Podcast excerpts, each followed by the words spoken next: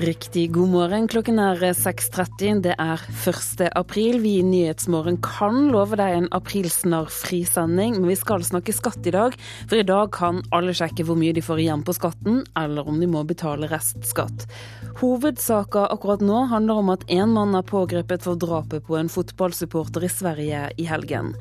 Sykehuset i Stavanger har flest jordmødre som reserverer seg mot abort i Norge. 17 jordmødre sier nei til å delta på sine aborter.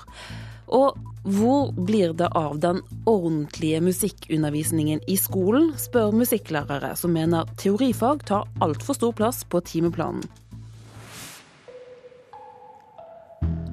Og dette er saker du får mer om her i Nyhetsmorgen med Turi Grønbekk i studio. Vi skal først til Sverige. En mann er pågrepet for drapet på en fotballsupporter i Helsingborg på søndag. 28-åringen meldte seg like før midnatt.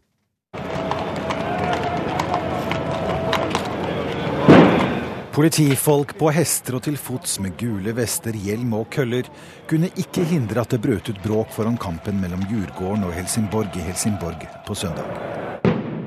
En 43 år gammel firebarnsfar var på vei til serieåpning sammen med broren sin da de kom i snakk med noen som så gikk til angrep. En person slo ham i hodet, og han døde senere på sykehuset. Vitner har fortalt om omfattende slag og spark etter at han falt i bakken, men politiet sier nå at det ikke stemmer. I natt meldte en 28-åring fra Helsingborg seg. Etter avhør ble han varetektsfengslet mistenkt for drapet. Det er ikke klart om han har tilstått. Dødsfallet ryster fotballen og har ført til en debatt om reglene for skjenking av alkohol rundt kampene i Sverige. Det sa utenriksreporter Øyvind Nyborg. Det er nå ganske nøyaktig 17,5 timer til meklingsfristen for årets første lønnsoppgjør. Det er fortsatt stor avstand mellom arbeidsgivere og ansatte i norsk industri. Dersom de ikke blir enige, går over 9000 industriansatte ut i streik i morgen tidlig. Riksmekler Nils Dalseide sier det er langt igjen til en lønnsavtale. Men nå i dag, slik det ser ut nå, så eh, tror jeg at vi kommer til å trenge eh, tid utover hele kvelden. Og jeg vil ikke bli det minste overraska om vi må arbeide utover natta. De fire industriavtalene som er frontfaget, er normgivende for alle andre lønnsoppgjør, og derfor viktige. Og det går fremover. Men avstanden er stor, sier riksmekler Nils Dalseide. Den eneste som uttaler seg om hvordan meklingen går frem mot fristen ved midnatt. Det er flere spørsmål som er krevende, og som, eh, som jeg i øyeblikket ikke ser noen eh, løsning på, med mindre det skjer en betraktelig bevegelse i partene. Over 9000 ansatte i over 100 bedrifter går til streik i morgen tidlig hvis de ikke blir enige. En streik vil bl.a. ramme verft og oljerelaterte bedrifter. I denne omgangen så prøver vi også å ta de, de tyngste bedriftene. Treffe de bedriftene som eh, har økonomi til å takle en eh, konflikt også, uten at de skal gå over ende. Sier distriktssekretær i Fellesforbundet Møre og Romsdal, Per Olav Heggem. For mange bedrifter sliter med økt konkurranse og inntjeningen. Vi ønsker ikke å ramme dem som eh, faktisk ikke er mm, særlig part i saken i det der spillet her. Administrerende direktør Stein Lier Hansen i Norsk Industri sa før forhandlingene startet at lønningene må bremses, og tilbød en 50-øring. Det blir vanskelig å få de ansatte med på, innrømmet han da. Vi har hatt en lønnsutvikling i Norge nå mange år på rad som har vært veldig høyt i forhold til alle konkurrentland. Vi vet at OECD har anslått at de viktigste konkurrentene våre havner på rundt 2,1% i årslønnsvekst i snitt. Og Da er det viktig nå for oss å få en utvikling i Norge hvor vi ikke ligger skyhøyt over det som konkurrentene har. og Da må vi se totallet totalt sett i år. Hva tror du blir vanskeligst eh, i dette oppgjøret? Nei, Jeg tror nok eh, kroner og øre, altså selve tarifftillegget, blir vanskelig. Og så er det så klart en rekke krav som kan dukke opp underveis. Eh, både på overtidsgodtgjørelser, det kan være andre former for arbeidstidsbestemmelser. Vi har spesielle bestemmelser når det gjelder rotasjonsordninger i Nordsjøen f.eks. Så det er en rekke saker som kommer til å være ganske komplisert for oss, og vi kommer til å måtte bruke lang tid for å finne løsninger. Reporteren, det var Hedvig Bjørgum. Fra i dag kan de fleste sjekke om de får penger igjen på skatten eller ikke. E-brukere kunne sjekke allerede 19.3. Da var det mange som hadde problemer med å få logget inn. Skattedirektør Hans Christian Holte, hvordan regner du med at dette går i dag? Du, jeg tror det kommer til å gå veldig bra. Det var eh, veldig mange ivrige sånn tidlig på morgenen eh, 19.3. Så det gikk litt eh, tregt på morgenen, men alle kom inn og fikk sjekka da. Og det regner jeg også med kommer til å skje i dag. Først da, hva er det man bør sjekke? Kanskje det aller viktigste er at eh, folk passer på at de ikke betaler for mye skatt. Det som er eh, noe av det viktigste der, det er å sjekke fradragene du har krav på.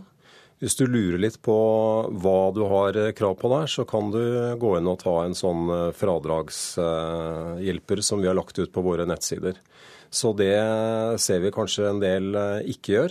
Bl.a. om du har reisefradrag, om du er pendler. Den type ting kan du få hjelp til hos oss. Er det spesielle ting dere ser som er litt vanskelige?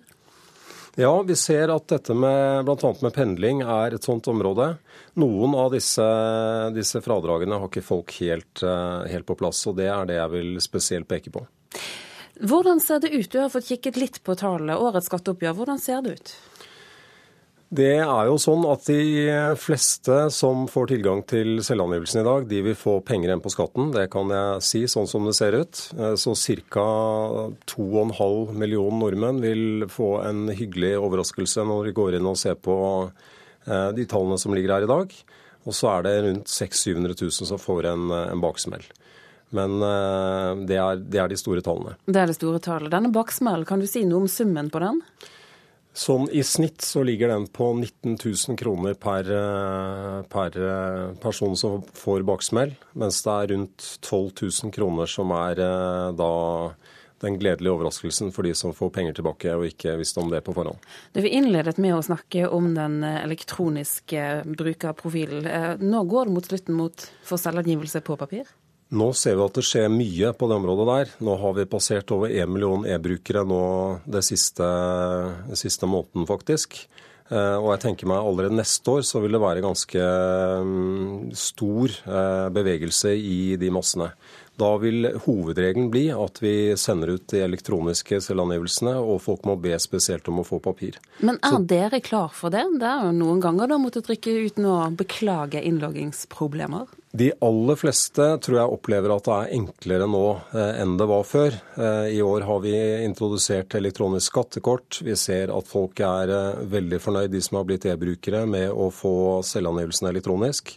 En liten kødannelse i de verste toppene, det tror jeg er forholdsvis små problemer sammenlignet med de enklere løsningene som det faktisk er. Så systemet er klart?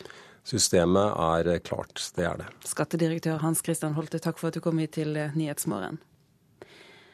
Universitetssykehuset i Stavanger har flest jordmødre som reserverer seg mot abort her i Norge. 17 jordmødre sier nei til å delta på senaborter som skjer opptil femte måned i svangerskapet. En av jordmødrene som nekter, mener inngrepet kommer på kant med hennes samvittighet. Det er jo å ta liv. Det er jo mennesker vi snakker om her. Det er en form for aktiv dødshjelp, rett og slett. Jordmor Trine Kristoffersen i Stavanger nekter å delta ved abortinngrep. De sene abortene kan skje opptil femte måned i svangerskapet og må søkes om i en egen abortnemnd. Det er jordmødre som gir medisinen som fører til at fosterets hjerte slutter å slå.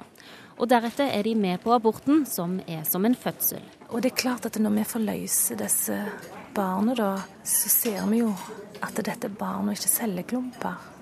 Det treffer deg virkelig midt i ansiktet, det vi holder på med. Mens helsepersonell i dag ikke kan reservere seg mot å henvise til abort, har både leger, sykepleiere og jordmødre lov å si nei til å delta i selve abortinngrepet. Og jeg er jo veldig takknemlig for det. Eh, og jeg har valgt å benytte meg av den, og jeg vet at mine kolleger kan òg selvfølgelig gjøre det samme. Det er viktig at man har den muligheten, eh, men det som er viktigst, det er at den enkelte kvinne får det tilbudet hun faktisk har krav på ifølge loven. Det forteller leder i Den norske jordmorforening, Marit Heiberg. Enkelte sykehus har eh, flere senaborter, som kanskje da er oppe i 20-21-22 uker enn det andre har. Og vi ser at der hvor det er flere senaborter, så er det også flere jordmødre som har reservert seg. Eh, noe som jeg tolker som at de, de kommer borti dette her oftere enn det man gjør på andre og mindre steder. De som sier nei er i klart mindretall. En undersøkelse NRK har gjort, viser at 86 av de over 2000 jordmødrene ved norske sykehus nekter å delta i abortinngrep. Og det er ved Universitetssykehuset i Stavanger at det er flest som reserverer seg. 17 jordmødre sier nei. Jeg vet kanskje hvem fire av de er. Det blir ikke snakket høyt om dette. Og det har vært interne diskusjoner ved fødeavdelingen i Stavanger. For det er jo ikke populært og har reservert seg mot dette. her. Det ser du jo bare hvordan samfunnet reagerer på disse få legene som har eh, samvittighetskvaler eh, mot å henvise til abort. Noe av den holdningen gjenspeiles helt klart på innsida av et eh, sykehus eller en fødeavdeling òg. Enkelte av jordmødrene syns det er feil at noen kan reservere seg mot visse oppgaver i yrket, men Oddrun Humpland, som er jordmor og sykepleierfaglig koordinator ved Stavanger universitetssykehus, sier det har vært problemfritt til nå å få turnuskabalen til å gå opp. Men det er klart, dette er en av de tingene jeg ser på hver gang vi gjør en ny ansettelse. Hvordan ligger dette an? Alle som kommer til ansettelsesintervju blir spurt om de reserverer seg mot seinabortene. Hvis en skulle komme i den situasjonen at du hadde for mange jordmødre som hadde reservert seg, så er det klart at eh, du ville prioritere den som kunne gjøre alle oppgaver ved et intervju. Reporter her Cecilie Berntsen Jåsund. Og Det er 1. Eh, april i dag, noe som gjør at det er litt skummelt å ta for seg hva som står på avisforsidene, men skal gjøre et forsøk. EU åpner med å fòre dyr med gris og fjørfe, det skriver Nasjonen. Og dette har lenge vært forbudt. Det er det ingen grunn til, mener direktør i Felleskjøpet. Biskoper sier nei til Kristelig Folkepartis nye religionsfag, som skal gi mer plass til eh, kristendom i skolen. Det skriver Aftenposten.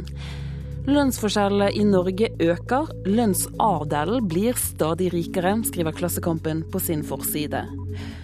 1700 ansatte i Trondheim kommune har varslet om trakassering. Det er hovedsaken i Adresseavisen. De viser til medarbeiderundersøkelse i kommunen.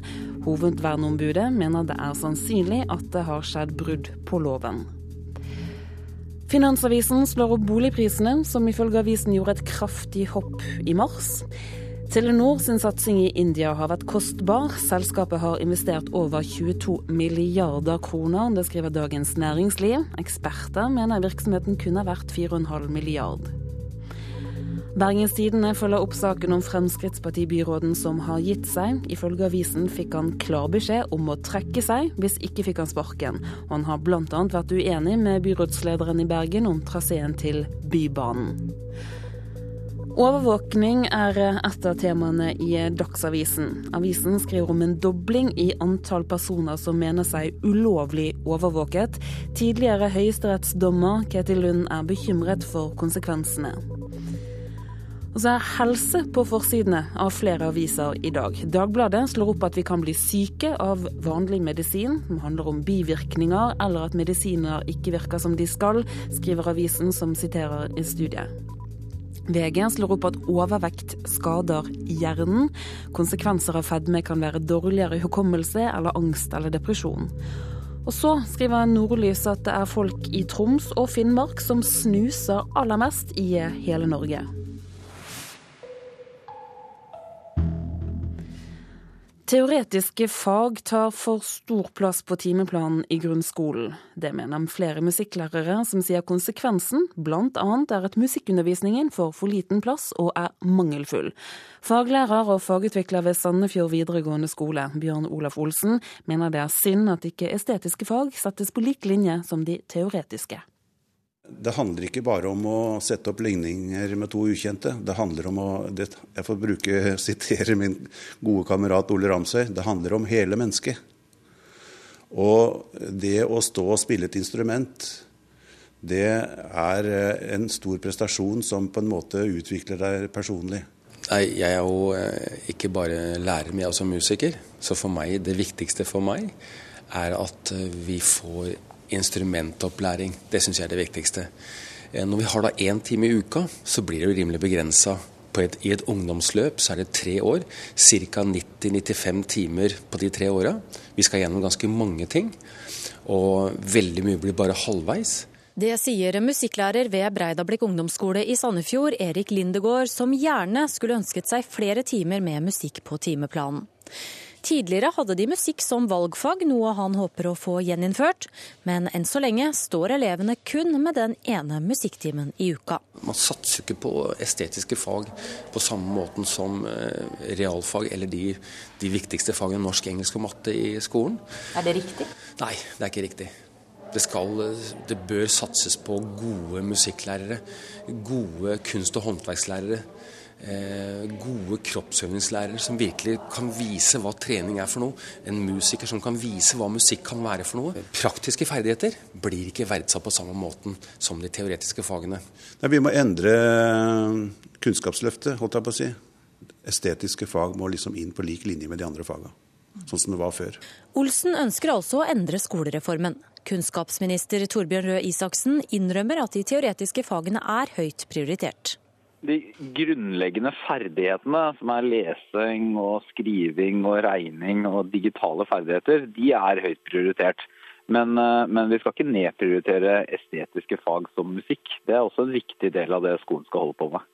Er én musikktime i uka i grunnskolen nok til å ivareta det elevene trenger av musikkopplæring? Jeg, jeg, har ingen planer om å øke antallet musikktimer i uka. Det kan hende at vi skal se på om vi kan eh, ha musikk som et av valgfagene. De rød-grønne introduserte jo helt nye valgfag og valgte da å ikke ha musikk. Så kanskje vi skal kikke på det om noen år, om vi er nødt til å ha inn noen flere estetiske fag som valgfag. Det kan være en mulighet. Men hvis vi skal øke timetallet i skolen, så, så mener jeg det er viktigere å prioritere f.eks. naturfag, hvor vi ligger veldig lavt sammenlignet med veldig mange andre land. Reporter her Katrine Krømke. Klokken er straks 6.47. Du lytter til Nyhetsmorgen med bl.a. disse hovedsakene nå. I Sverige er en mann pågrepet for drapet på en fotballsupporter i Helsingborg. Nærmere 100 jordmødre sier nei til å være med på abortinngrep ved norske sykehus. Og bli med oss videre i sendingen, for en musikal om Ole Ivers har ingenting på Nationaltheatret å gjøre. Det mener kritiker. Mer om dette litt, men aller først nå så skal vi snakke cricket. For det er straks duket for verdensmesterskapet i cricket. I morgen, morgen så starter NRK sine hovedsendinger. Og Josef Gilan, du skal kommentere kampene for NRK. Vi tror jeg aller først må spørre om du kan forklare litt hva slags sport cricket er? Det at Cricket er verdens eh, nest største idrett, som eh, spilles eh, hovedsakelig i, i de asiatiske land. Og NRK viser jo nå cricket. Cricket er et lagspill bestående av elleve spillere, som har sitt utspring fra England. Og den har det da, som nevnt, eksplodert helt i den asiatiske verden. Så dette mesterskapet som starter nå, hvor stort er det? Du, dette her er på lik linje med fotball og EM, VM og EM. Eh, hvis man ser på fotballidretten, eh, sett tatt i betraktning hvor menneske, mange mennesker som eh, følger med på dette. Så det er veldig stort. Eh, og, er jo, og NRK er faktisk den eneste kanalen eh, i hele verden som viser dette her uten å ta betalt. Hvem er det som er favoritter i år, da? Du, I år så var det faktisk eh, det er Vest-India, eh, Sri Lanka, India og Pakistan er vel de som har reelle muligheter for å dra dette her i land. Og så har du Sri Lanka, som er alltid en eh, solid utfordrer. Hvorfor, hva er det med Sri Lanka som gjør at de er så solide på utfordrersiden? Du, Sri Lanka har veldig gode både slagmenn og har en veldig solid taktikk som gjør det veldig vanskelig for motstanderen å spille mot dem. Så den de blir veldig vanskelig Litt sånn Drillo-taktikk du, i morgen så... de, de gjør gode lag dårlig.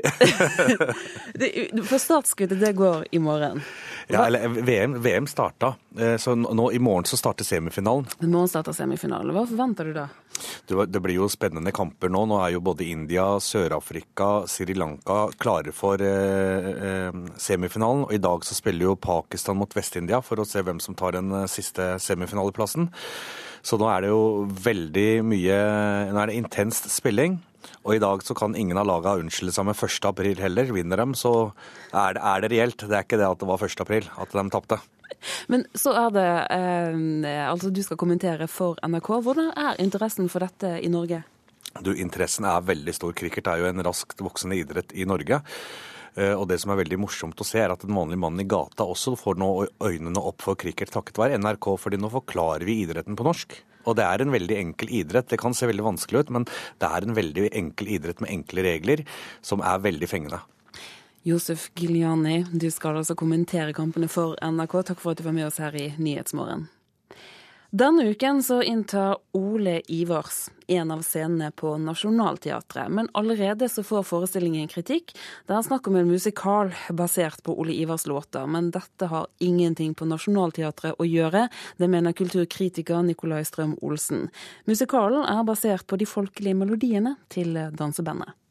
Jeg har den fineste vogna på campingplassen.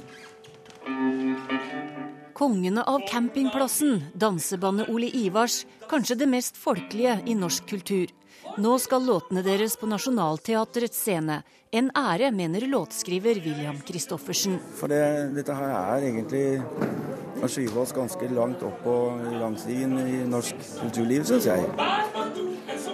En god idé med Ole Ivars på scenen, men ikke for Nationaltheatret, mener kulturkritiker i magasinet Kunstforum Nikolai Strøm-Olsen. Fordi eh, jeg mener at det er et eh, repertoar som i utgangspunktet er ganske kommersielt. Så de går inn i et repertoar som det ville vært mulig å tjene penger på eh, for en, et privatteater, eller eventuelt for en fri gruppe. Og ved, når Nationaltheatret går inn i det repertoaret, så virker de konkurransevridende.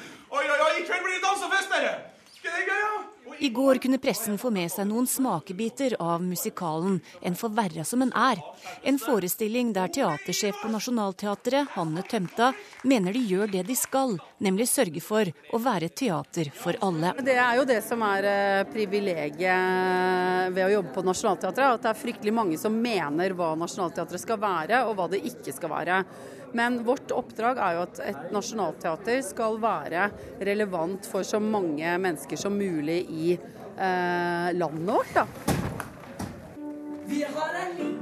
Men Strøm-Olsen mener Nationaltheatret, som hovedsakelig lever av statsstøtte, bør være mer nyskapende enn å lage suksesser av kjente folkelige låter. Og Det gjør at alle samler seg i midten, og vi får mindre mangfold og vi får liksom mindre variasjon i de stykkene det er mulig for publikum å se. Så hvis noen andre hadde hatt denne ideen, så kunne jo de eventuelt ha gjort det selv før. Jeg syns det blir litt pussig å, å anklage oss for å gjøre de tingene vi selv vil gjøre selv. Ja. For gutta i Ole Ivars er musikalen et etterlengtet spark tilbake etter i årevis å ha følt kulturjournalistenes harde penn. Man får seg vel kanskje en liten en på kjeften eller trynet, de som har prata negativt om oss før. Det smaker veldig godt da, at man ser at noen fra kultureliten her inne i Oslo ser på det vi gjør som så interessant. At de bryr seg om å sette opp en musical omkring vår musikk. Ja, reporter her, det var Torunn Myhre. Tekst-TV er noe fremdeles rundt 12% i Norge fremdeles bruker en gjennomsnittsdag, men fra nå skal ikke lenger NRK ha egne tekst-TV-ansatte. Nå blir det automatisk publisering av nyhetsmeldinger, og mediehistorikere mener dette er et skritt i retning tjenestens død og begravelse. Masse følelser i gangene i NRK knytta til dette. Så eh, det kommer til å bli gravøl på mandag, det er helt sikkert. Det er ingen aprilspøk. En tekst-TV-æra er over. Fra tirsdag morgen 1. april avslutter vi den manuelle oppdateringen av tekst-TV. Da er det historie. Da er det automatikken som overtar eh, publisering av korte nyhetsmeldinger fra eh, NRK Nyheter. Sier redaksjonssjef i NRK Nye Medier, Christian Fogner. NRKs eneste gjenstående tekst-TV-ansatt har hatt sin siste dag på jobb.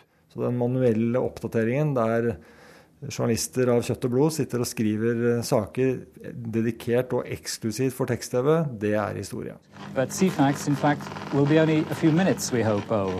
Tekst-TV ble innført av den britiske TV-kanalen BBC i oktober 1972 under navnet Cfax, eller internt teledata. I Norge ble tjenesten tilbudt første gang den 2. februar 1983. NRK har i dag utvidet sitt tilbud. Klokken 11 i formiddag startet prøvesendingene med tekst-TV. Slik presenterte NRK den store nyvinningen for folket.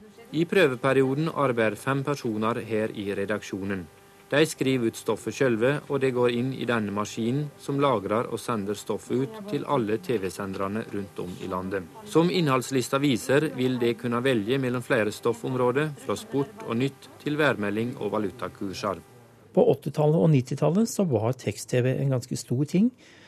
Ehm, man kunne få opp TV-programmene, man kunne få opp eh, værmeldinger, nyheter, børsmeldinger, eh, sånne ting. Og man kunne også få tekst til Eh, til programmene. Sier mediehistoriker Henrik G. Bastiansen ved Høgskolen i Volda.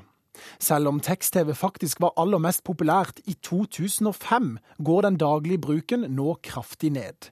I 2013 brukte 12% av Norges befolkning tekst-TV en gjennomsnittsdag.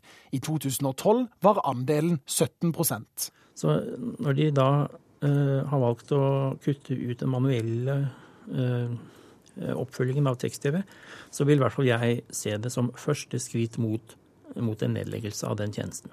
Men vil brukerne av tekst-TV merke noe til den helautomatiske overgangen? Brukerne av tekst-TV vil forhåpentligvis ikke merke noen ting, eh, fordi eh, automatikken styrer dette på en utmerket måte. Så, så tekst-TV som sådan vil fortsatt være som det alltid har vært. Ja, Vi skal i denne sendingen eh, høre mer om hva tekst-TV inneholder akkurat i dag. Men la oss først høre på Jahn Teigen her. Han eh, har vel kanskje et lite apropos?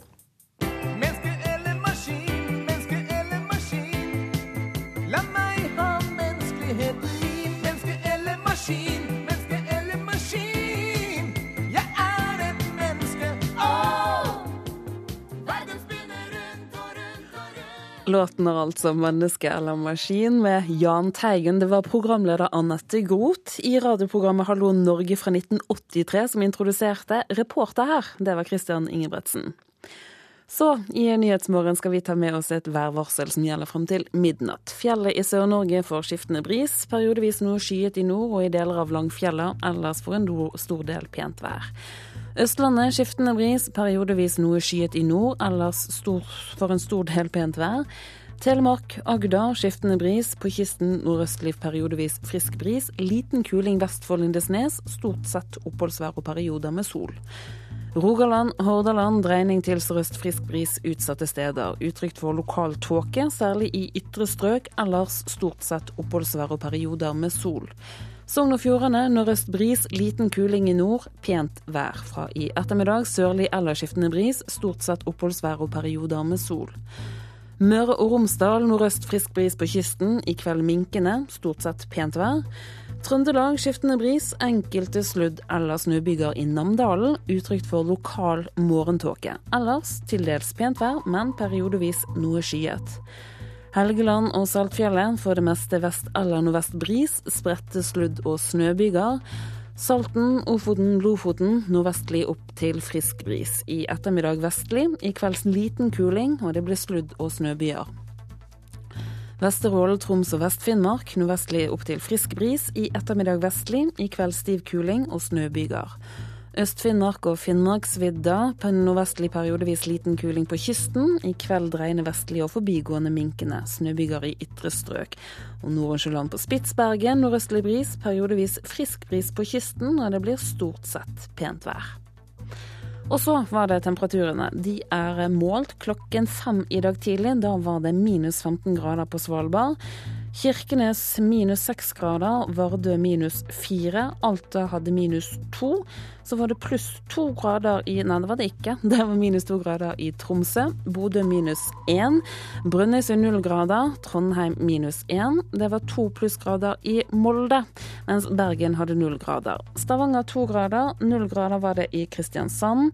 Gardermoen minus to. Lillehammer minus én grad. Røros minus tre grader. Og så var det null grader på eh, Oslo-Blindern målestasjon, der vi målte temperaturene klokken fem i dag tidlig. Du lytter til Nyhetsmorgen, straks Dagsnytt.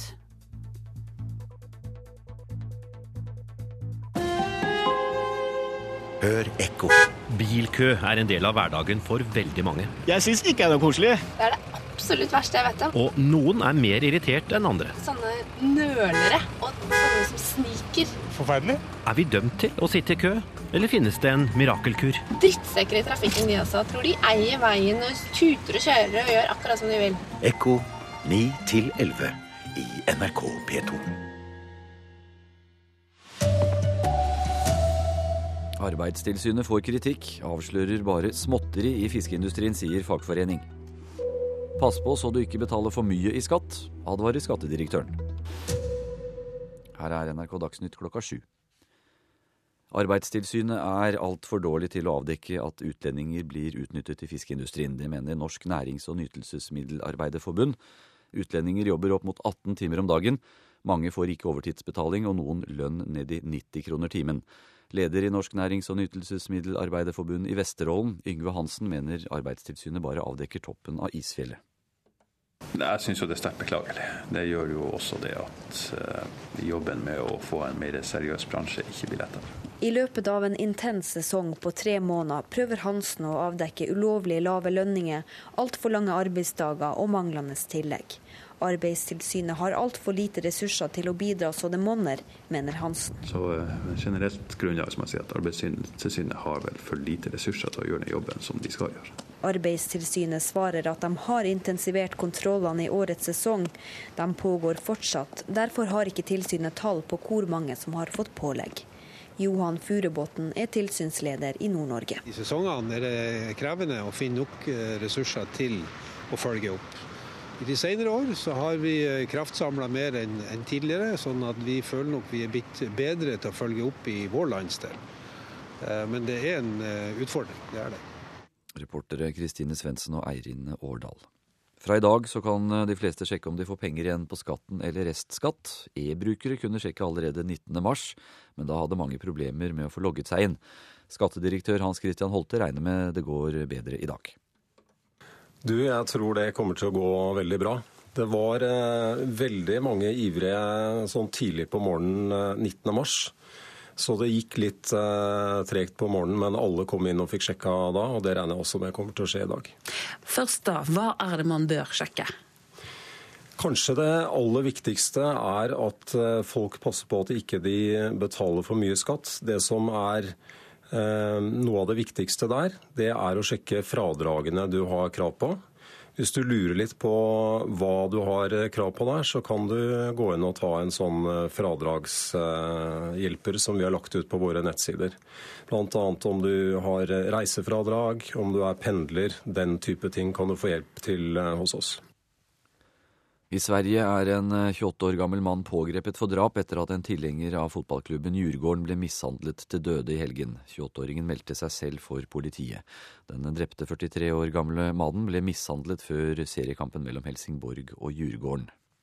NRK Dagsnytt, Anders Borgen Werring. Og du lytter til Nyhetsmorgen. Vi fortsetter bl.a. med togpassasjerer som ønsker seg flere og bedre tog. Men NSB-styret ønsker å sende halve overskuddet rett til statskassen. Det blir mer om dette om litt. Først nå skal det handle om Arbeidstilsynet, som får kritikk for å være fraværende og dårlige til å avdekke utnytting av utlendinger i fiskeindustrien.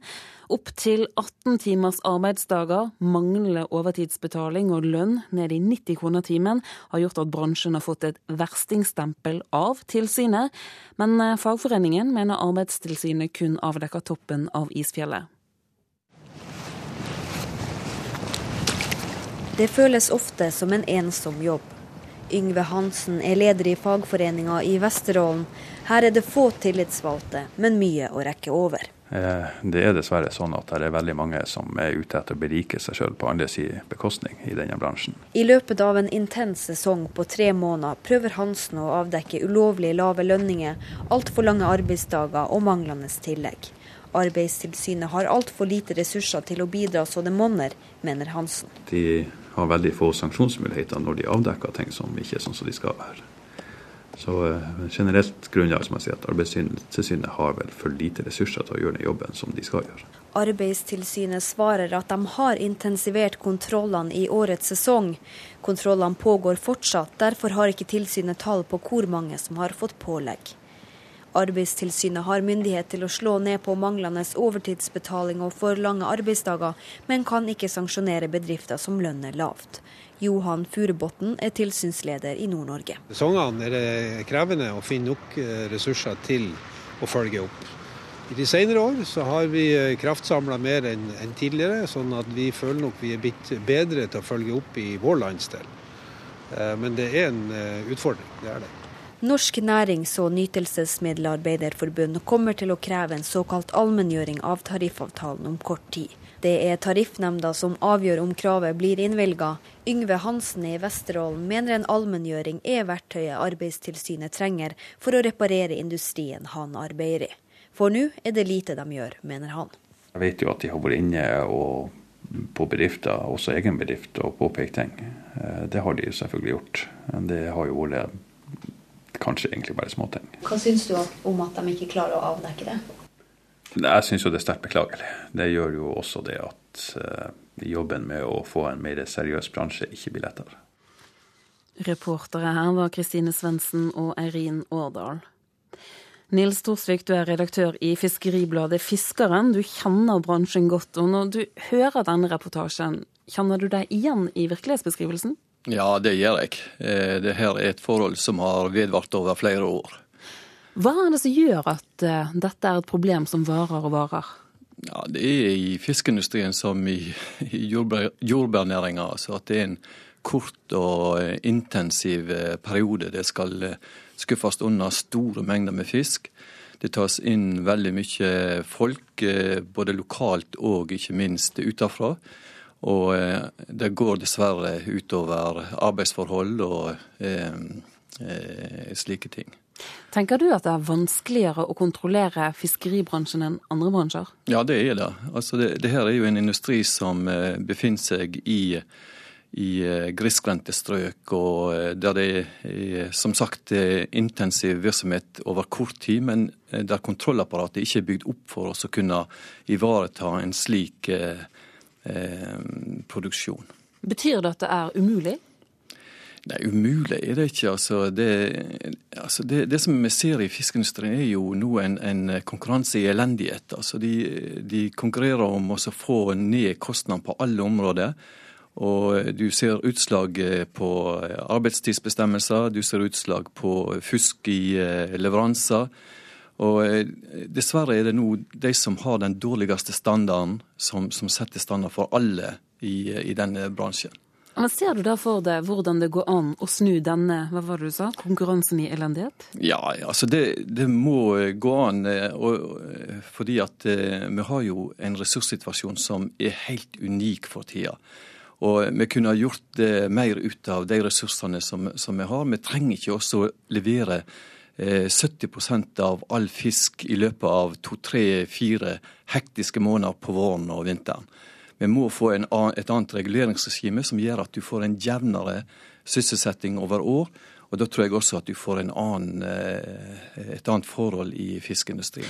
Dette som kommer frem nå om at Arbeidstilsynet får kritikk, og at ikke de har noen straffereaksjoner til selskaper som underbetaler, hva mener du om det? Nei, altså det, det, er jo klart at eh, de burde, burde vært straffa hardere, de som eh, nå bryter bestemmelsene. For som sagt så er det de som setter standarden for resten av, eh, av industrien. Jeg var nylig på, på, eh, på, Island. Og Island har jo gått i motsatt retning av Norge. De har jo bygd opp en eh, industri eh, som foredler stadig mer. I Norge så bryter vi på land stadig mer på kortere tid. Og På Island så har du mye mer ordna industri enn, enn i Norge. Burde sett til Island for å sett hvordan de gjør det i forhold til Norge. Nils Thorsvik må si takk for at du var med i Nyhetsmorgen, redaktør i Fiskeribladet Fiskeren. Nå til at NSB-styret foreslår å ta ut et rekordstort utbytte fra togselskapet. Det er snakk om 393 millioner kroner, uten at styrelederen vil svare på hvorfor NSB skal tappes for pengene. Både fagforening og passasjerer mener at NSB trenger pengene selv. Jeg syns jo at uh, togsetene var bedre før, da. Og det har blitt dårligere plass. Og så er det så, er det så trange, gode seter, så når du kommer nær til uh, din medpassasjer eh, Akkurat i dag var det jo det dårligste togsettet uten bord og uten regulerbare seter. NSBs togpassasjerer på Lillehammer har mange ønsker. Men å sende halvparten av NSBs overskudd rett til statskassa er det få som vil. Likevel er det nettopp det NSBs styre nå foreslår, med et rekordutbytte til eneier staten på 393 millioner kroner. Det hadde det veldig godt uh, å hatt sjøl til å kjøpe seg nye tog for, istedenfor å uh, foreslå å ta det ut av bedriften. Sier lederen i Norsk Jernbaneforbund, der han står på togperrongen i Bergen. Selv om utbytteforslaget kommer etter tidenes beste årsresultat for NSB, ser Kjell Atle Brunborg mye nesten 400 millioner kroner kan brukes på. NSB trenger pengene til nye tog. Jeg kan jo bare se på de togene som står her, som går på Vossebanen. Det er en elendig forfatning. Og i Oslo eh, spesielt står jo folkene som sild i tønne i togene nå, for det er altfor lite materiell. Trafikkøkningen har vært veldig stor de siste åra, så folk skriker etter nye tog.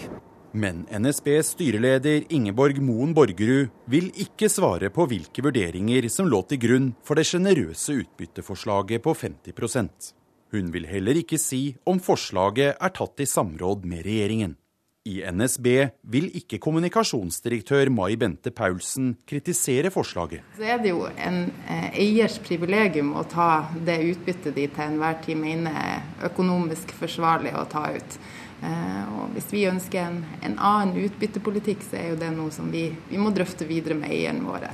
Paulsen understreker like fullt at NSB trenger nye tog. Vi har en eh, voldsom passasjervekst, som er veldig gledelig. Eh, og Det betyr at vi må eh, bestille nye tog og nye busser for å kunne frakte enda flere passasjerer i fremtida.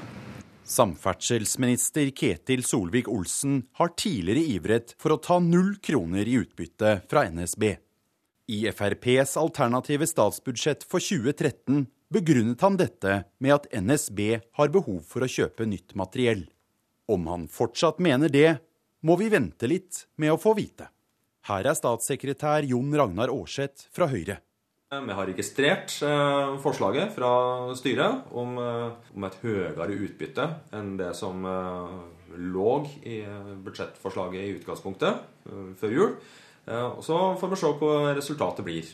Samferdselsdepartementet har allerede varslet at den vil redusere utbyttekravene fra et annet heleid datterselskap, flyplasseieren Avinor. Og i høstens budsjett forventet regjeringen 138 millioner kroner mindre i NSB-utbytte i år enn det togselskapets eget styre nå foreslår. Nå er vi jo i den veldig lykkelige situasjonen at eh, NSB går veldig bra. Kan det skje at dere tar mindre utbytte enn det styreleder selv foreslår? Det vil jeg ikke kommentere, for det her går vi rett inn i spørsmål om refinert nasjonalbudsjett. Og det budsjettspørsmålet det eh, kommenterer vi ikke før budsjettet blir lagt fram. Reportere her Sindre Heierdal, Silje Jostein Lien og Marita Skeie. Eirin Sund, du er samferdselspolitisk talskvinne for Arbeiderpartiet. Hva synes du om at NSB-styret legger opp til et så stort utbytte? For det første så syns jeg jo at det er veldig bra, for det viser at det er et NSB som går veldig godt. Eh, og det betyr òg at det vil bli mer tog, og det vil bli bedre tog. Og så er det jo òg noe med at det er jo ikke egentlig en sensasjon, for en har jo tatt ut utbytte på 50% Og i tidligere år så det er jo en politikk som et samla storting egentlig vil at en skal ha, at de pengene skal gå inn i felleskassen. Hva er det som gjør at du tenker at det er smart? Altså, for første synes jeg, altså Det som er smart, er at det går inn i felleskassen. Og det betyr òg at uh, når det går inn der, så kan vi bruke det til hva vi vil. Og jeg er opptatt av Arbeiderpartiet at vi skal ha mer tog, men vi er òg nødt til å ha mer skinner, altså mer infrastruktur. Det nytter ikke at vi får masse fine tog som ikke har gode skinner å gå på. Så at uh, vi ønsker Arbeiderpartiet å være med å fortsette den satsingen som har vært på tog, for vi er nødt til å ha mer tog og bedre tog hvis vi skal oppnå både klimamål og transportere folk på rette måten. Så vi ønsker å bruke pengene som kommer inn i fellesskapet, og putte de ut igjen til togsatsingen. Og Om det da på en måte er at NSB beholder sitt overskudd, eller at det er at vi tar pengene på statsbudsjettet, det blir litt sånn det samme. Men, men, jeg tenker at det kan være litt forvirrende dette. For Ja. det klare ønsket fra togpassasjerene er at de ønsker seg et bedre togtilbud. Og det sier du at det får de uansett om utbyttet er 50% eller ikke. Ja, togtilbud er ikke godt nok, men det viktigste for å få et godt togtilbud, det er at vi som sitter på Stortinget bevilger pengene til at både skinnene er som de skal, og at toget, altså at materiellet er som det skal. Men det som gjør at, at jeg er, altså blir bekymra, er at jeg, jeg, vi står bak den utbyttepolitikken som vi har. Men nå har vi en regjering som, som reportasjen viser, at Kjetil, Ketil Sove-Olsen har sagt at han ønsker å gi NSB eh, hele utbyttet. Jeg er bekymra for hva det kan bety. Fordi at eh, Betyr det at eh, når de deler ut milliardervis av kroner både til skattelette og andre ting, hvor mye vil det være igjen å faktisk satse på tog?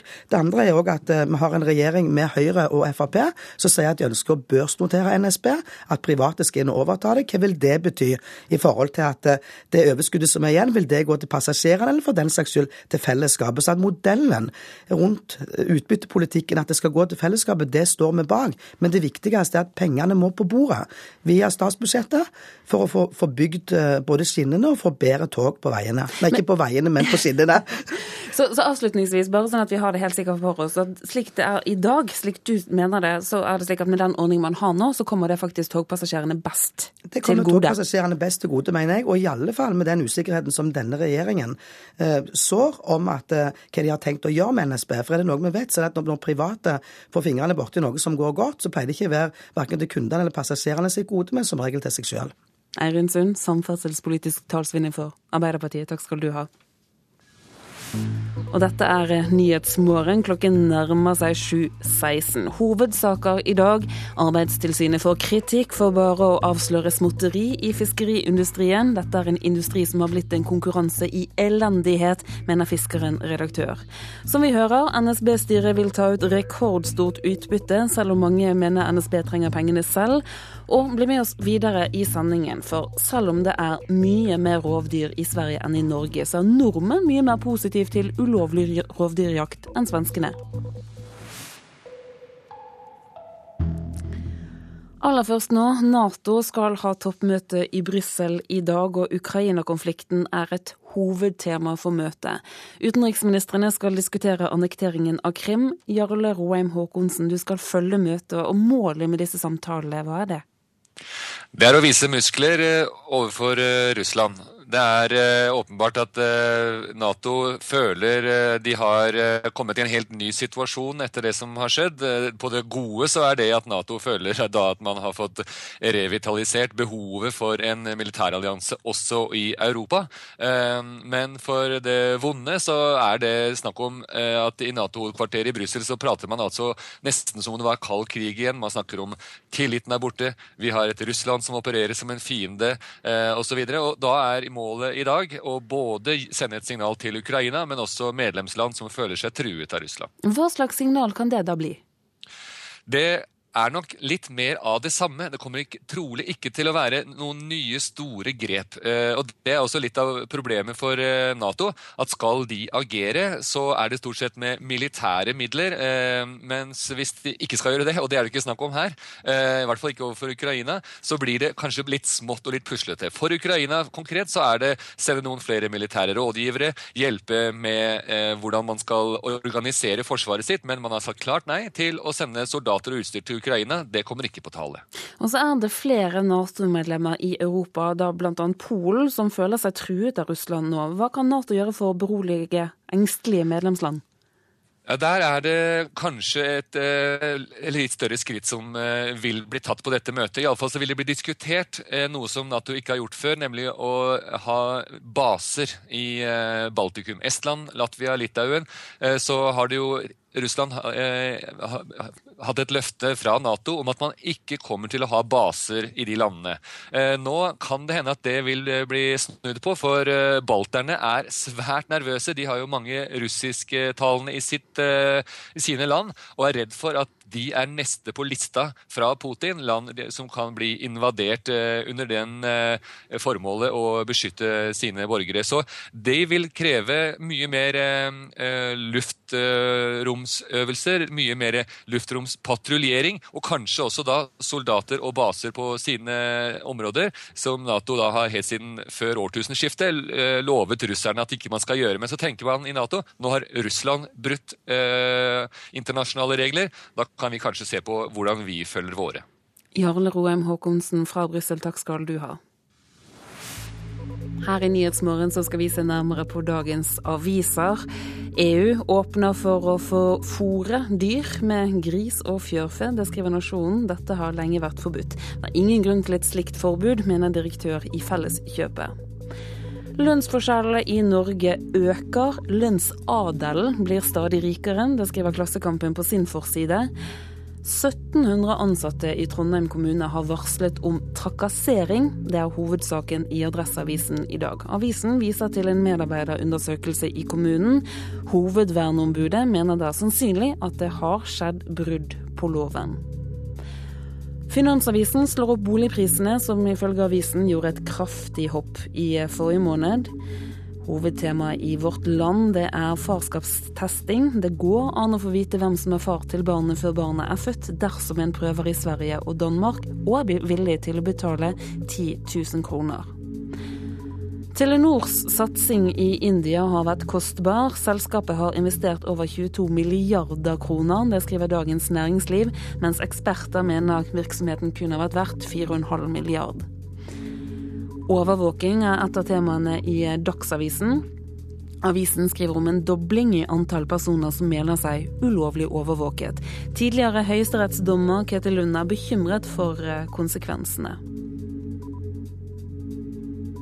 Biskoper sier nei til Kristelig Folkepartis nye religionsfag, som skal gi mer plass til mer kristendom i skolen. Det skriver Aftenposten. Og så er helsetema på flere avisforsider i dag. Dagbladet slår opp at vi kan bli syke av vanlig medisin. Det handler om bivirkninger eller at medisinene ikke virker som de skal. VG slår opp at overvekt skader hjernen. Konsekvenser av fedme kan være dårligere hukommelse eller angst eller depresjon. Og så er det folk i Troms og Finnmark som snuser mest i hele Norge. Det skriver Nordlys. Da skal vi ha mer om saken om at halvparten av norske biskoper er imot det nye KRLE-faget i skolen. Det viser en rundspørring Aftenposten har gjort. Biskop i Tunsberg, Laila Riksåsen Dahl, er redd det nye religionsfaget kan skremme foreldre og lærere. Jeg tenker at det har vært mye støy rundt det faget. Og det nå å endre med å sette inn den K-en igjen, skaper bare uro og fører vel ikke til så mye. Hun er redd det nye faget i verste fall kan føre til at flere ber om fritak fra undervisninga. Hvis alt går etter planen, skal det nye religionsfaget inneholde minst 55% kristendom og skifte navn fra RLE til KRLE. Altså en navneendring fra religion, livssyn og etikk til kristendom, religion, livssyn og etikk. Men det nye kristendomsfaget feller ikke i smak hos de kristne selv. Seks av tolv biskoper er imot det nye KRL-faget og får støtte fra flere kirkeledere. Utdanningspolitisk talsmann i KrF, Anders Tyvand, er uenig og mener navneendringa er nødvendig. Det som er viktig for oss, det er at eh, religionsfaget i skolen skal være mest mulig likt eh, over hele landet. I dag så er det veldig store variasjoner eh, i, i hvor mye kristendommen eh, vektlegges. Samtidig så mener vi at det er helt naturlig at elever i den norske skolen lærer mer om den religionen som har bidratt til å forme samfunnet vårt gjennom tusen år. Og reporteren, det var Marit Gjelland. Nordmenn er fire ganger mer positive til ulovlig jakt på rovdyr enn svenskene, selv om rovdyrbestanden er mye større i Sverige enn i Norge. Dette kommer fram i en doktorgradsavhandling ved Høgskolen i Hedmark. Undersøkelsen viser at det er størst aksept for ulovlig jakt i områder der det er sterke tradisjoner for storvilt. Ulven lever et farligere liv i Norge enn i Sverige, hvis studiet ved Høgskolen i Hedmark er representativt for folks holdning til ulovlig jakt. Av de respondentene vi har, da så vi at i Norge så var det mye mer aksept for å begå ulovlig jakt enn i Sverige. Sier stipendiat ved Høgskolen på Evenstad i Hedmark, Kristin Gangås. Hun skal i mai disputere doktorgraden som hun begynte på, etter at en undersøkelse i Sverige viste at ulovlig jakt utgjør 50% av all dødelighet på ulv. Fire til fem personer i hver kommune i Norge og Sverige er spurt om holdning til ulovlig jakt. 2500 svarte. I Sverige var det mellom 3 og 4 prosent som aksepterte ulovlig jakt. I Norge var det mellom 12 og 15 prosent. Det var større aksept for å begå ulovlig jakt i områder hvor det også var sterke tradisjoner for uh, storviltjakt. Kristin Gangås hadde forventa at det ville være flere som var tolerante for ulovlig jakt i områder der det var mye rovvilt eller stort tap av sau. I stedet var det i områder der storviltjakt står sterkt. Hun tror det kan ha noe med en kultur i Norge for å styre over egne landområder. Norge f.eks. er jo et eh, land som er vant med litt mer selvstyre på lokalt nivå. Og dermed så blir det med rovvilt som kommer inn kanskje litt sånn derre OK, det har ikke vi bestemt sjøl, vi har ikke bedt om det. At det er en litt sånn derre protest kanskje også mot eh, overordna myndigheter som har strødd et eller annet nedover hodet på folk. Jeg kan ikke skjønne at det skulle være noe mer overkjørt i rovviltforvaltninga i Norge enn i Sverige. Sier informasjonssjef i Norges jeger- og fiskerforbund, Espen Farstad. Det er veldig viktig å huske her at når man legger fram slike tall om at det er 4-5% i Sverige, 12-15% i Norge som kunne si ja til illegal jakt, så betyr det altså at, et sted mellom 80 og 90% er klokkeklare på at dette aksepterer vi ikke. Reporter her, det var Anne Kari Løberg. Det må bli enklere for butikkansatte å anmelde tyverier. Det mener Oslo Handelsstands Forening, som sier mørketallet for butikktyverier er enorme, bl.a. fordi anmeldelsessystemet ikke fungerer godt nok. Sånne ting som dette her tar vi ukentlig. Tilsynelatende en vanlig, vanlig bærepose fra en butikk. Men her har de da vært kreative, foliert posene med vanlig aluminiumsfolie for å forhindre at alarmene blir utløst når de tar med seg varer ut. Vi har også alarmavtagere. Dette er sånn butikkene gjerne har i kassene sine. På det lille kontoret til Securitas inne på kjøpesenteret Eger midt på Karl Johan ligger noe av utstyret selskapet har beslaglagt fra butikktyver. Hver dag studerer sikkerhetsleder Jaran Eng kunder opp og ned, og noterer seg alt som virker mistenkelig. Og det gjelder å ha et våkent blikk, for tyvene blir mer og mer profesjonelle. Gå gjerne etter lett omsettelige varer, eksklusive varer. Eh, og de eh, blir vanskeligere å ta. Eh, opererer i grupper og er godt organiserte. Ifølge politiet i Oslo gikk vinningskriminaliteten betydelig ned i 2013. Men den statistikken kjenner ikke vekterselskapet seg igjen i. Vi opplever stikk motsatt, at den er sterkt økende. Også administrerende direktør i Oslo Handelsstands Forening, Gunnar Larsen, mener mørketallene er enorme. Ja, tidligere undersøkelser har vist at antallet tyverier fra butikker i Oslo kan være hele 30 ganger høyere enn det politiets statistikk viser. Handelsstandsforeningen forklarer dette med at mange butikker ikke anmelder tyveriene, fordi dagens manuelle system er for tungvint. Det er relativt komplisert å anmelde i et eh, butikkmiljø hvor de står med butikktyven foran seg og skal fylle ut et manuelt skjema. Det er relativt komplisert, eh, tidkrevende, og det skaper en eh, utrygg situasjon i, i butikken. I ti år har Handelsstandsforeningen etterlyst et elektronisk system for anmeldelser, for å få flere butikkeiere til å registrere tyverier. Tilbakemeldingene fra Politidirektoratet har vært positive, men fortsatt har ingenting skjedd. Nå ber vi om å bli tatt på alvor. Eh, at man gjør det man sier, nemlig å etablere et elektronisk anmeldelsessystem.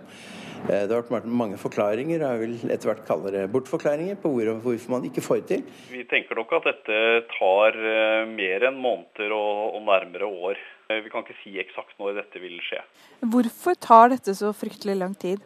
Altså, en av årsakene er jo at uh, vi har utfordringer på IKT-siden. Og vi forstår at det er frustrasjon både hos ansatte og uh, hos, ute hos publikum i forhold til digital samhandling med, med politiet. Men uh, dette skyldes jo at uh, det har vært en uh, manglende prioritering og styring av området over tid. Og nå gjør vi et stort løft, og det løftet tar nødvendigvis tid. Reporter her Maria Nakken. I Volda var det møkkete tilstander i går kveld. En septiktankbil slapp ved et uhell ut store mengder avføring i rundkjøringen ved Høgskolen i Volda. Selskapet Miljøservice, som eier bilen, sier til NRK at uhellet skyldes en feil på bilens bakluke. Flere biler fikk avføring på både tak og på panseret. Det var lange køer på bensinstasjonene i bygden av folk som ville vaske bilen sin. Og dersom du er interessert, så kan du klikke deg inn på nrk.no for å se bilder. Og du lytter til eh, Nyhetsmorgen. Straks så blir det Dagsnytt. og Da får du bl.a. høre om at naboene til Lund planlagte 22. juli-minnestedet på Sørbråten ved Utøya nå ønsker å gå til retten for å få stanset minnestedet. I Politisk kvarter så er det på tide å si velkommen tilbake på jobb til KrF-leder Knut Arild Hareide, for han er tilbake etter pappapermisjon og blir altså med i Politisk kvarter. Produsent for Nyhetsmorgen i dag, det er Oda Holm Gulbrandsen. Her i studio, Turi Grønbæk. Nå gjør vi oss klar for Dagsnytt med Anders Borgen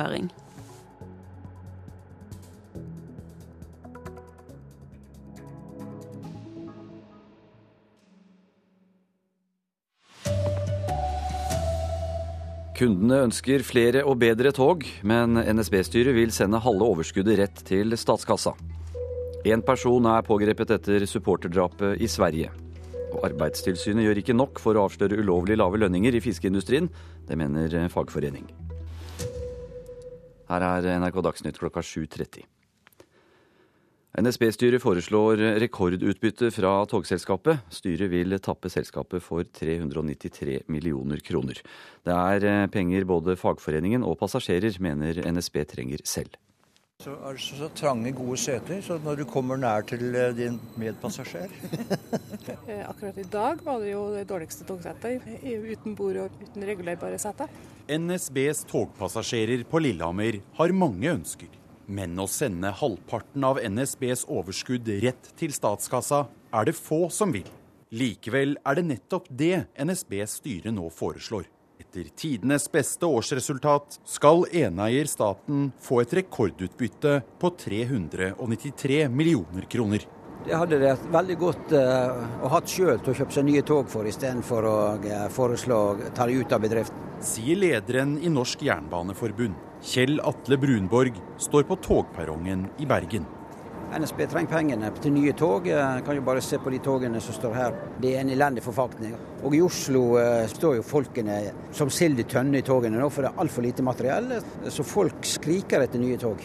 Men NSBs styreleder Ingeborg Moen Borgerud vil ikke svare på hvilke vurderinger som lå til grunn for det sjenerøse utbytteforslaget på 50 Samferdselsminister Ketil Solvik-Olsen har tidligere ivret for å ta null kroner i utbytte fra NSB. Om han fortsatt mener det, må vi vente litt med å få vite. Her er statssekretær Jon Ragnar Aarseth fra Høyre. Her går vi rett inn i spørsmål om refinert nasjonalbudsjett, og det eh, kommenterer vi ikke før budsjettet blir lagt fram. Reportere her det var Sindre Heierdal, Silje Jostein Lien og Marita Skeie. I Sverige er en mann pågrepet for drapet på en fotballsupporter i Helsingborg søndag. 28-åringen meldte seg like før midnatt.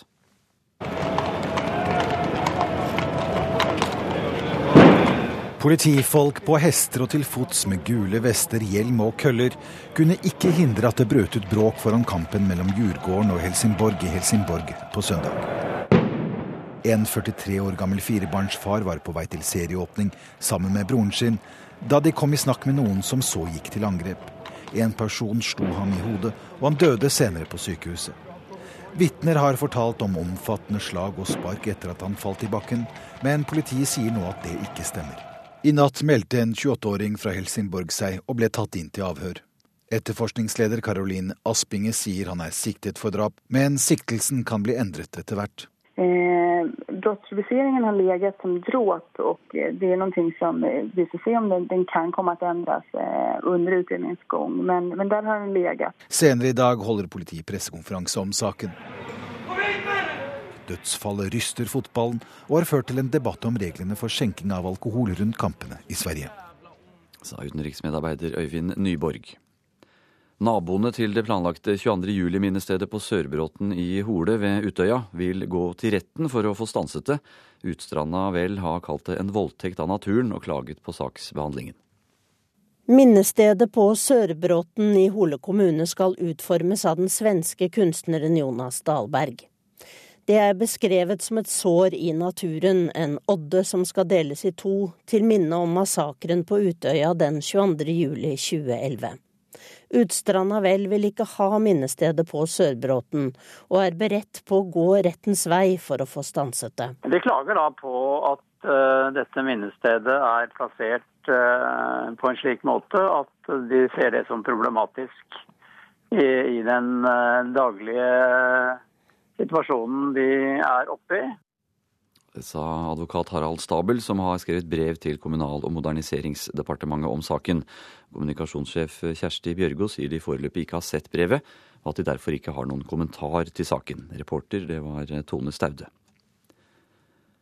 Arbeidstilsynet får kritikk for å være fraværende og dårlige til å avdekke at utlendinger blir utnyttet i fiskeindustrien.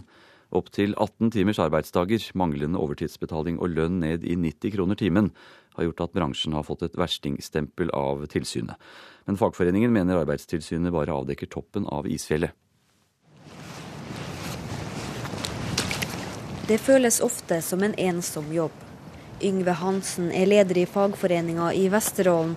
Her er det få tillitsvalgte, men mye å rekke over. Eh, det er dessverre sånn at det er veldig mange som er ute etter å berike seg sjøl på andres bekostning i denne bransjen. I løpet av en intens sesong på tre måneder prøver Hansen å avdekke ulovlig lave lønninger, altfor lange arbeidsdager og manglende tillegg.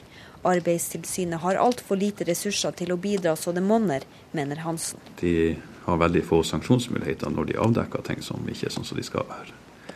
Så uh, generelt grunnlag som jeg sier at Arbeidstilsynet har vel for lite ressurser til å gjøre den jobben som de skal gjøre. Arbeidstilsynet svarer at de har intensivert kontrollene i årets sesong. De pågår fortsatt. Derfor har ikke tilsynet tall på hvor mange som har fått pålegg. Johan Furubotn er tilsynsleder i Nord-Norge. I sesongene er det krevende å finne nok eh, ressurser til å følge opp. I de senere år så har vi eh, kraftsamla mer enn en tidligere, sånn at vi føler nok vi er blitt bedre til å følge opp i vår landsdel. Eh, men det er en eh, utfordring, det er det. Jeg vet jo at de har vært inne på bedrifter, også egen bedrift, og påpekt ting. Det har de selvfølgelig gjort. Men det har jo vært kanskje egentlig bare småting. Hva syns du om at de ikke klarer å avdekke det? Jeg syns jo det er sterkt beklagelig.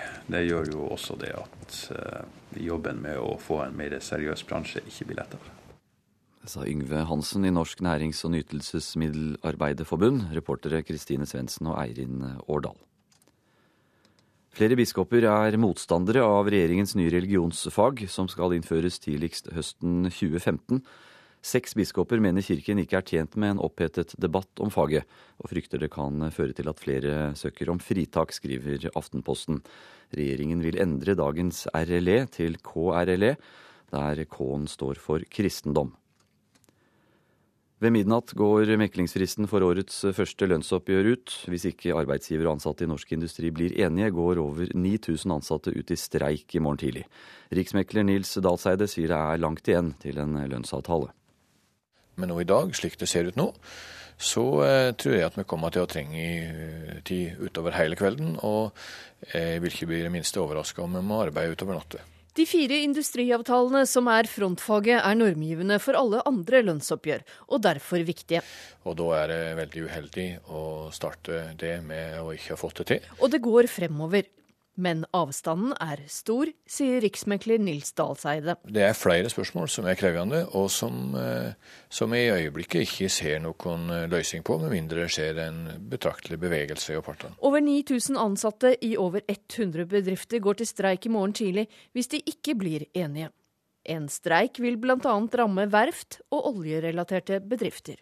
I denne omgangen så prøver vi også å ta de, de tyngste bedriftene. Treffe de bedriftene som eh, har økonomi til å takle en eh, konflikt også, uten at de skal gå over ende. Sa distriktssekretær i Fellesforbundet i Møre og Romsdal, Per Olav Heggem, reporter eh, Hedvig Bjørgum. Det er ingen splid mellom spilleren og manager David Moyes i fotballklubben Manchester United. Det sier spiller Ryan Giggs. Det har stormet rundt Moyes i lang tid, men før kveldens kvartfinale i Mesterligaen så var det kun optimisme å spore. There's, there's no um, jeg vet at mye er blitt sagt, men det er overhodet ikke noe problem med manageren, sa Ryan Giggs på pressekonferansen foran kveldens kvartfinale i Mesterligaen. Men det er vanskelig å flytte fokus bort fra nettopp David Moyes, som har hatt en katastrofal første sesong som manager for klubben. Selv ville skotten helst snakke om det han ser på som en positiv utvikling for laget han leder. Uh, Nå må vi fortsette å forbedre oss. Vi har hatt noen gode resultater i det siste og må prøve å bygge på det, sa Moyes. You know, we're, we're Manchester United, it's at Old Trafford, and we've seen so many great nights vi har hatt mange fantastiske kvelder ute i Europa og ser ikke på oss sjøl som underdogs, men som United-spillere som skal spille på hjemmebane.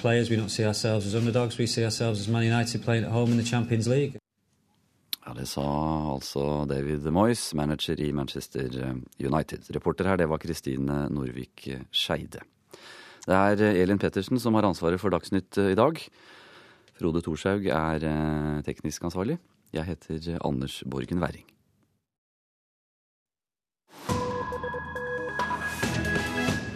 Nyhetsmorgen fortsetter, og de neste minuttene så skal vi til India, der valget startet i går. Det er altså valg i verdens største demokrati. Det er 815 millioner stemmeberettigede. Det valget det strekker seg over fem uker. Det endelige resultatet det blir ikke klart før 16. mai. Joar Hoel Larsen har laget denne reportasjen. Long years ago, we made a tryst with destiny. Det er 67 år siden til sommeren. Natten til 15. august sommeren 47. Mens resten av verden sov, som Jawarlal Nehru beskrev det, så hadde India et stevnemøte med skjebnen. Denne natten ble India et selvstendig demokrati, og Nehru ble landets første folkevalgte statsminister. At the stroke of the midnight hour, when the world sleeps, Det var et stort øyeblikk for landets på det tidspunkt 300 millioner innbyggere. I dag er de fire ganger så mange inderne. 1,2 milliarder. I løpet av få år vil India være verdens mest folkerike land. Men det er et viktig forhold som ikke har forandret seg. India har i 67 år vært et demokrati.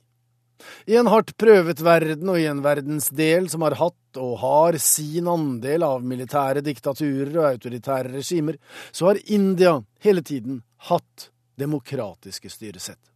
Det har vært satt på harde prøver og har ikke alltid vært perfekt, men i India er det en selvfølge at makten videreføres gjennom frie valg etter en åpen og demokratisk valgkamp.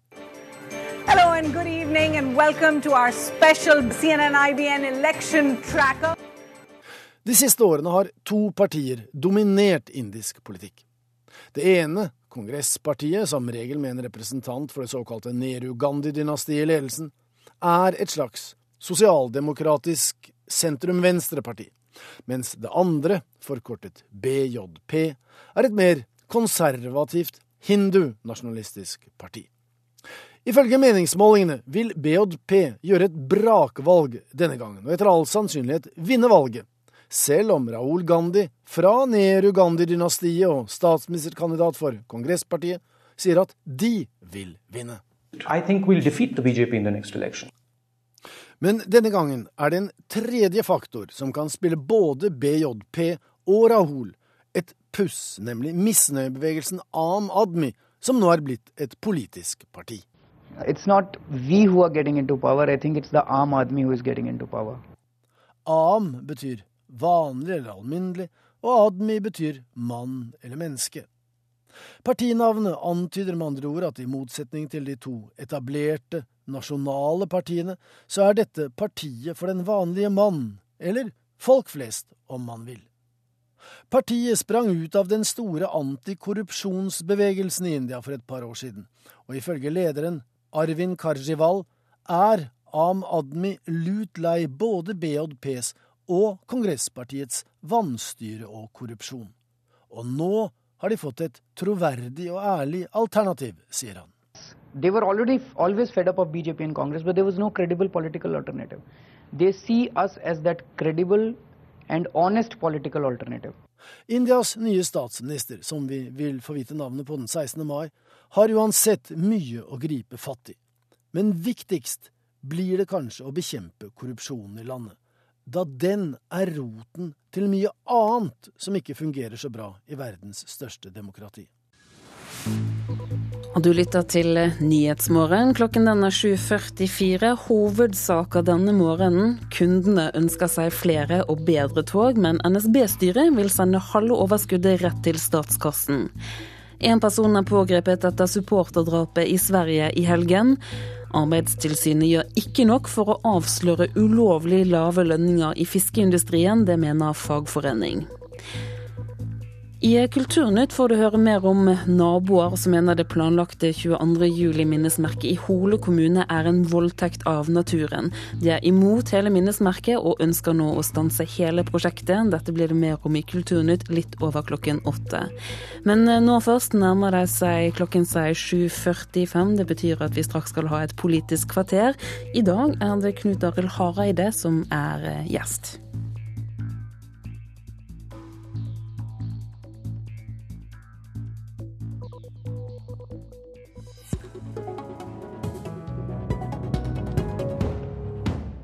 Velkommen tilbake på jobb, Knut Arild Hareide. Tusen takk for det. Det er ikke vanskelig for meg å komme tidlig på jobb nå. Ja, Kristelig Folkepartis leder er tilbake etter pappapermisjon og er med oss i Politisk kvarter. God morgen, jeg heter Per Arne Bjerke. Dette er Politisk kvarter i NRK1 og NRK P2. Mens du har vært hjemme og passet barn, har debatten om legers mulighet til å reservere seg mot henvisning til abort pågått for fullt. Motstanden mot å la legene få reservasjonsrett er stor, også innad i Høyre. Hva tror du det til slutt blir igjen av reservasjonsretten som KrF forhandlet frem i avtalen med regjeringspartiene? Ja, Nå er det én måned igjen av uh, høringsfristen. Uh, jeg tror det er viktig at uh, KrF setter, seg ned sammen med regjeringa når den har gått ut, for å finne en løsning. jeg òg har jo merka den betydelige motstanden det og jeg har, lyst til å si, jeg har lyst til å gi honnør til Erna Solberg for måten hun har stått opp og forsvart saken på. Men det er klart at eh, veldig mange andre i Høyre har gjort det motsatte rundt om det ganske land. Og det har gjort at vi har ikke nådd godt nok fram med vårt budskap. Fordi en har på mange måter kommunisert dobbelt rundt den saken. Ja, Det er jo flere Høyre-ordførere som har bedt dere om å gi opp hele saken. Vil dere lytte til disse oppfordringene? Det kommer vi ikke til å gjøre. og Det er jo fordi at dette er en sak om samvittighetsfrihet. Hvis vi ser i mange andre land i Europa, så er dette en god praksis å ivareta. Og jeg tror vi skal greie å ivareta begge deler.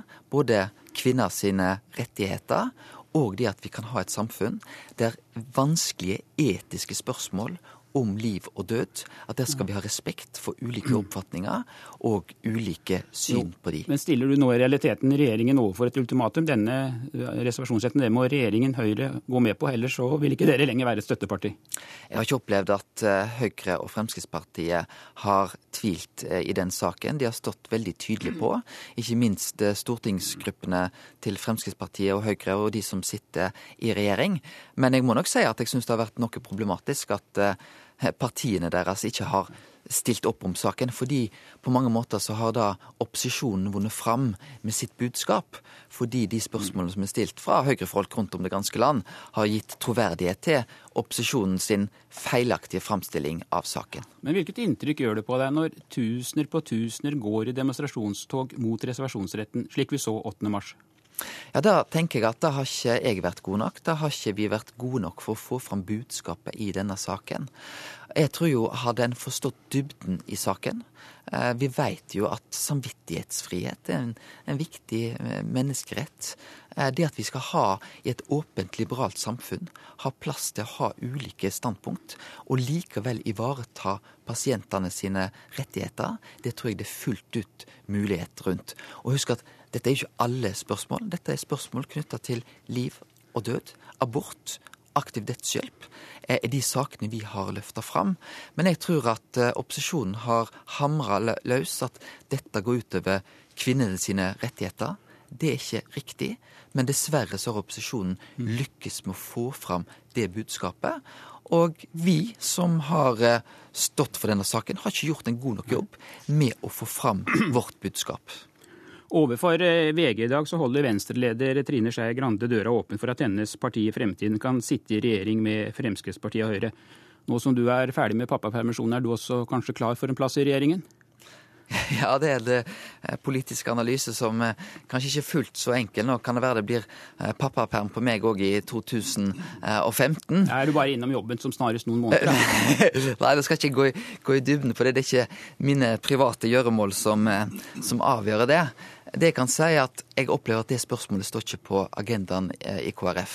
Men jeg vil ikke avvise at det spørsmålet kommer til å stå på agendaen hos oss i, i framtida.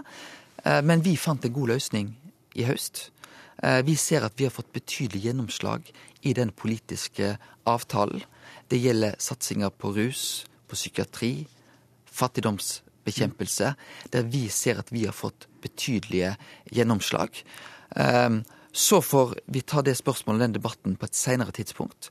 Nå må regjeringa få tid å levere på det vi er blitt enige om i avtalen. Så det spørsmålet eh, vil jeg ikke avvise, ja. men det står ikke på agendaen til KrF ja, i dag. Uansett om du nå skal ut i en ny pappapermisjon, som du nettopp fortalte, så skal du nå styre partiet fremover. og Vil du utelukke at KrF kan komme til å gå, regjering, eh, gå inn i regjeringen i denne perioden? Jeg vil ikke utelukke det, eh, men det står ikke på vår agenda i dag. Nå har vi fått en god avtale med regjeringa. Vi opplever at der har vi fått betydelige gjennomslag.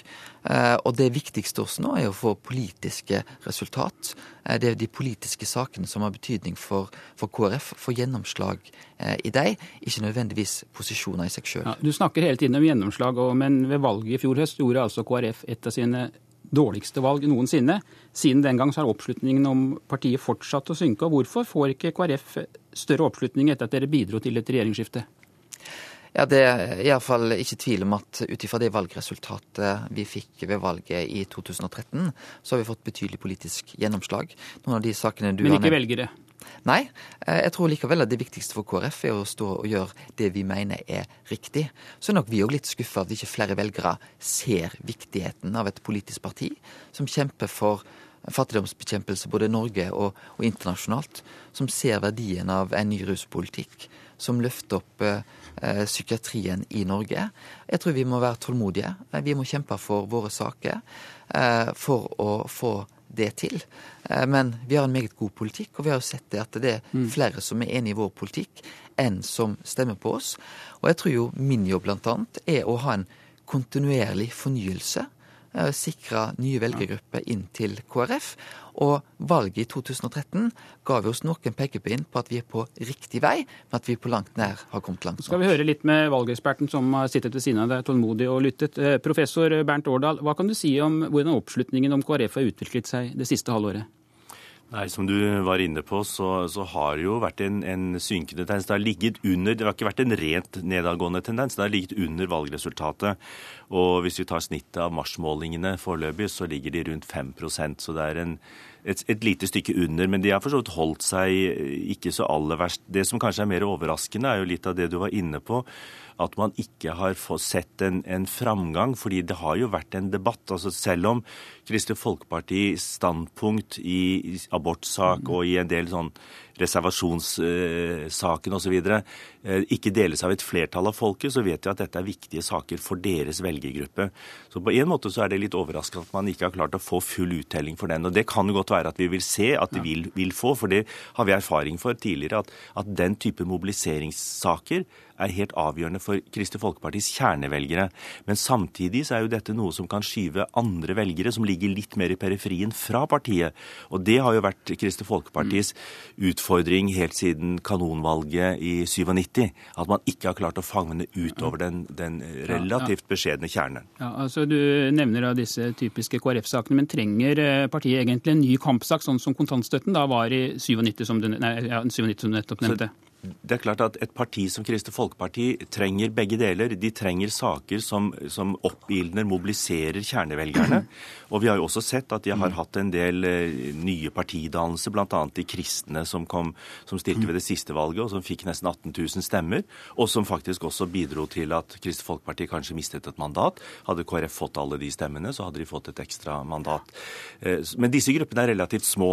Men det de, det de lyktes med i 1997, det var at de mobiliserte kjernevelgerne samtidig som de hadde en sak knyttet til kontantstøtten som også tiltrakk velgere som ikke liksom var definert inn i denne litt spesielle, snevre gruppen.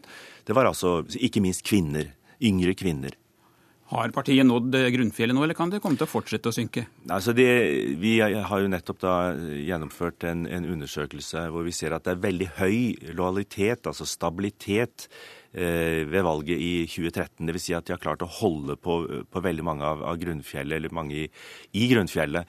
Og Sånn sett så, så har Hareide et poeng at det var en del eh, trekk ved valget i fjor som i og for seg var positive for partiet, selv om de da nesten gjentok det dårlige valgresultatet, eller sitt dårligste valgresultat fra 2009. Hareide, under forhandlingene om eh, samarbeidsavtalen med regjeringen så fikk dere da gjennomslag for flere kjernesaker, bl.a. å endre innholdet i religionsfaget i skolen. Og så leser vi i Aftenposten i dag at flere biskoper og kirkeledere advarer mot denne endringen. Kan det være at eh, dere i KrF rett og slett har satset på feil saker?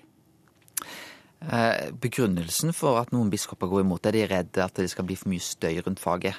Det er ikke jeg redd for. Jeg tror det å ha en debatt rundt hvilket religionsfag vi skal ha, det tror jeg er bra og sunt. Eh, så er det jo det faget som vi foreslår nå, er jo det faget som Gudmund Hernes og Jon Lilletun ble enige om på 90-tallet. Og det vi har sagt, er at det er viktig at vi forstår kristendommen sin særlige stilling i det norske samfunn. Ja, vi skal ha respekt for alle religioner, men i Norge så har kristendommen en særskilt plass. Og da er det viktig at vi nettopp har en hovedtyngde rundt det faget. Eh, det har prega vår kultur, vår historie, vårt språk på en måte som gjør at det er helt naturlig. og jeg er ikke redd for å ta den debatten. Eh, og så er det en del biskoper som er veldig enige med oss, og så er det noen som er uenige, og det syns jeg er helt greit. Men er dette en kampsak som kan favne nye velgergrupper, som du jo trenger dersom du skal komme deg opp over 5% Ja, men jeg har lyst til å si at eh, det at vi fikk til å få styrka kristendommen, eller reservasjonsrett. Det var jo ikke de viktigste sakene vi fikk til i den avtalen med regjeringa. Noe av det viktigste for KrF var at vi fikk tydelig fokus på fattigdomsbekjempelse i vårt eget land. At vi fikk for noen av de gruppene som er mest utsatt i vårt land, bl.a. innenfor rus, en satsing der. At vi fikk en satsing på psykiatri.